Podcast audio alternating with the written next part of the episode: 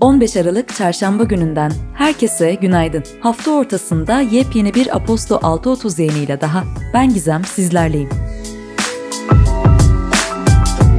Bugünün bülteni QNB Finans Bank destekleriyle geliyor huzurlarınıza.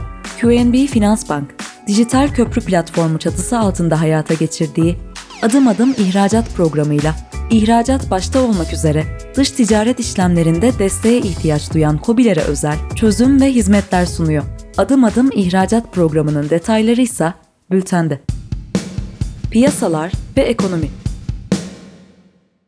Türk lirası yarın gerçekleşecek para politikası kurulu toplantısından çıkabilecek faiz indirimi endişelerinin etkisiyle dolar karşısında dün 14,40 seviyelerini test etti. Reuters'ın aktardığına göre Türk lirası böylece yılbaşından bu yana yaklaşık %50 değer kaybetti.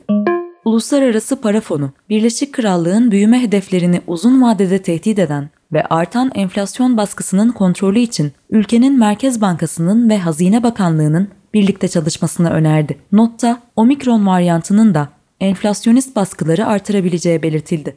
Uluslararası Enerji Ajansı, petrol ihraç eden ülkeler örgütü ve müttefiklerinin üretimi artırması ve stratejik rezervlerin kullanılmasıyla küresel çapta petrol arzının arttığını ve omikron varyantına bağlı talebin azalması durumuyla stokların 2022'de günlük 1,7 milyon varil hızla şişebileceğini öngördü. İş Dünyası Toyota, küresel tedarik zinciri sorunu nedeniyle Japonya'daki bazı fabrikalarında üretim durdurmalarını uzattığını açıkladı. Şirket bu ay üretim kaybının toplam 14 bin araç olacağını bildirdi. Nike, NFT'lere ve Metaverse teknolojisine odaklanan sanal bir ayakkabı şirketi olarak faaliyet gösteren RTFKT'yi satın aldığını duyurdu. Nike'ın bu hamlesi, şirketin hem NFT hem de Metaverse konusunda adım attığının bir göstergesi olarak değerlendirildi. Elon Musk, Tesla'nın bazı ürünlerinde Dogecoin kabul etmeye başlayacağını duyurdu. Musk'ın açıklamasının ardından Dogecoin birim fiyatı %30 kadar yükseldi. Netflix, Hindistan'da ilk kez yayın hizmetinin fiyatını %60 oranında düşürdü. Şirketin bu adımı bölgedeki etkili rakipleri Amazon ve Disney ile daha iyi rekabet etmek için attığı değerlendirildi.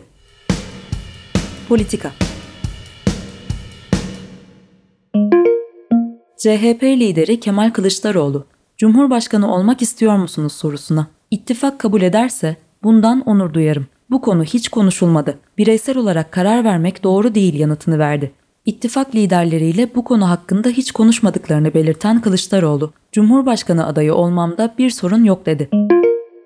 Konya'nın Meram ilçesinde bir aileyi hedef alan saldırıda 7 kişinin yaşamını yitirmesine yönelik görülen dava, dün Konya 4. Ağır Ceza Mahkemesi'nde başladı.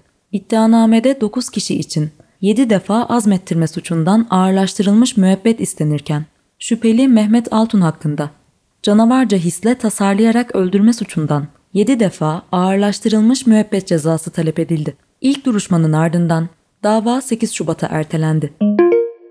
Türk Silahlı Kuvvetleri'nin Libya Görev Grubu Komutanlığında görev alan 56 uzman çavuşun komutanlarının kendilerine psikolojik ve fiziksel mobbing uyguladığını öne sürerek Cumhurbaşkanlığı İletişim Merkezi'ne toplu şikayet dilekçesi verdikten sonra görevden alındığı ve TSK'dan ihraç edildiği iddia edildi. Deutsche Welle Türkçe'den Alican Uludağ'ın haberine göre Milli Savunma Bakanlığı'nın izni üzerine askerler hakkında askeri ceza kanununa muhalefet etmekten adli soruşturma açıldı. Avrupa İnsan Hakları Mahkemesi 15 Temmuz darbe girişiminden sonra gözaltına alınan Nazlı Ilıcağ'ın başvurusuna yönelik kararını açıkladı mahkeme Ilıcağ'ın terör örgütü üyesi olduğuna ve hükümeti devirmeye çalıştığına dair hiçbir somut kanıt bulunmadığını söyledi. Türkiye'nin Ilıcağ'a 16 bin avro manevi tazminat ödemesine karar verildi. Çin, ABD'nin pervasız eylemlerine karşılık vereceğini açıkladı ve Washington'ı Çin'e uyguladığı insan hakları bağlantılı yaptırımları geri çekmeye çağırdı. Körfez Arap Ülkeleri İşbirliği Konseyi'nin 42. zirvesi dün Suudi Arabistan'da başladı. Zirvenin tartışma konuları arasında İran'ın da yer aldığı belirtildi. Birleşmiş Milletler'in güvenilir kaynaklara dayandırdığını söylediği bir raporda, Taliban'ın Ağustos ayında yönetimi ele geçirmesinden bu yana haklarında herhangi bir yargı kararı bulunmayan 70 kişinin infazından sorumlu olduğu belirtildi. Birleşik Arap Emirlikleri'nin ABD ile yapılan 23 milyar dolarlık F-35 ve Reaper insansız hava araçları anlaşmasından çekilme tehdidinde bulunduğu iddia edildi. The Wall Street Journal'ın haberine göre ABD'nin satılacak silahların teknolojisinin Çin'in casusluk girişimlerinden gizli tutulması için getirdiği yükümlülüklerin Birleşik Arap Emirlikleri tarafından çok ağır bulunduğu belirtildi. Hollanda'da genel seçimlerden 271 gün sonra Başbakan Mark Rutte önderliğinde 4 partili koalisyon hükümeti kurulmasına karar verildi. Yaklaşık 30 bin aileye çocuk bakım ödeneğine yönelik ayrımcılık yapıldığı belirtildikten sonra koalisyon hükümeti geçtiğimiz Ocak'ta istifa etmiş. Ülke 11 ay boyunca geçici hükümetle yönetilmişti. Teknoloji ve Startup Almanya'da bazı siyasetçiler, yetkililerin aşırılık yanlısı içeriklerin takibine yönelik taleplerine yanıt vermemeyi sürdürmesi halinde Telegram'ın Apple ve Google uygulama mağazalarından kaldırılmasını talep ediyor.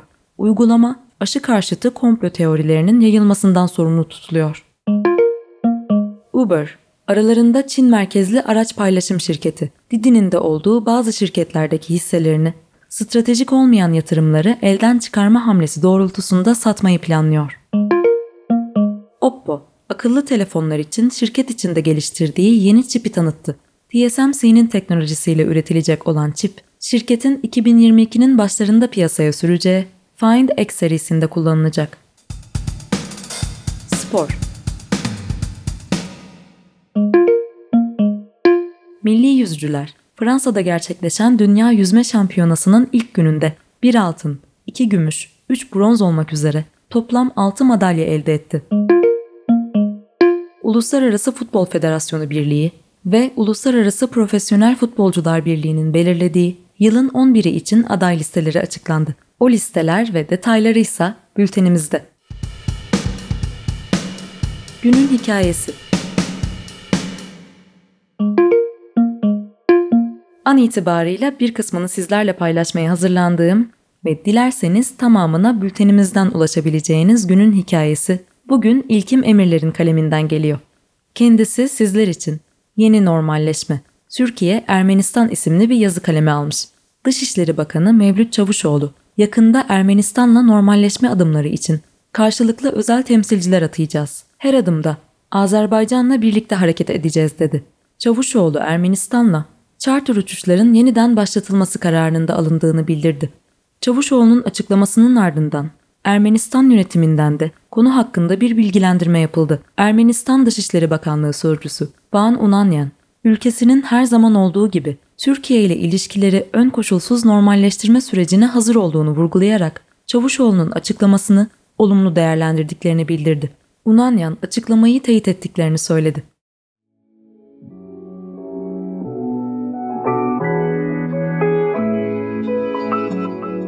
Her çarşamba olduğu gibi bugün de Aposto 6.30 yayınında ben Gizem sizlerleydim ve bugünlük de benim için veda vakti. Hepinize mutlu günler diliyorum. Hoşçakalın.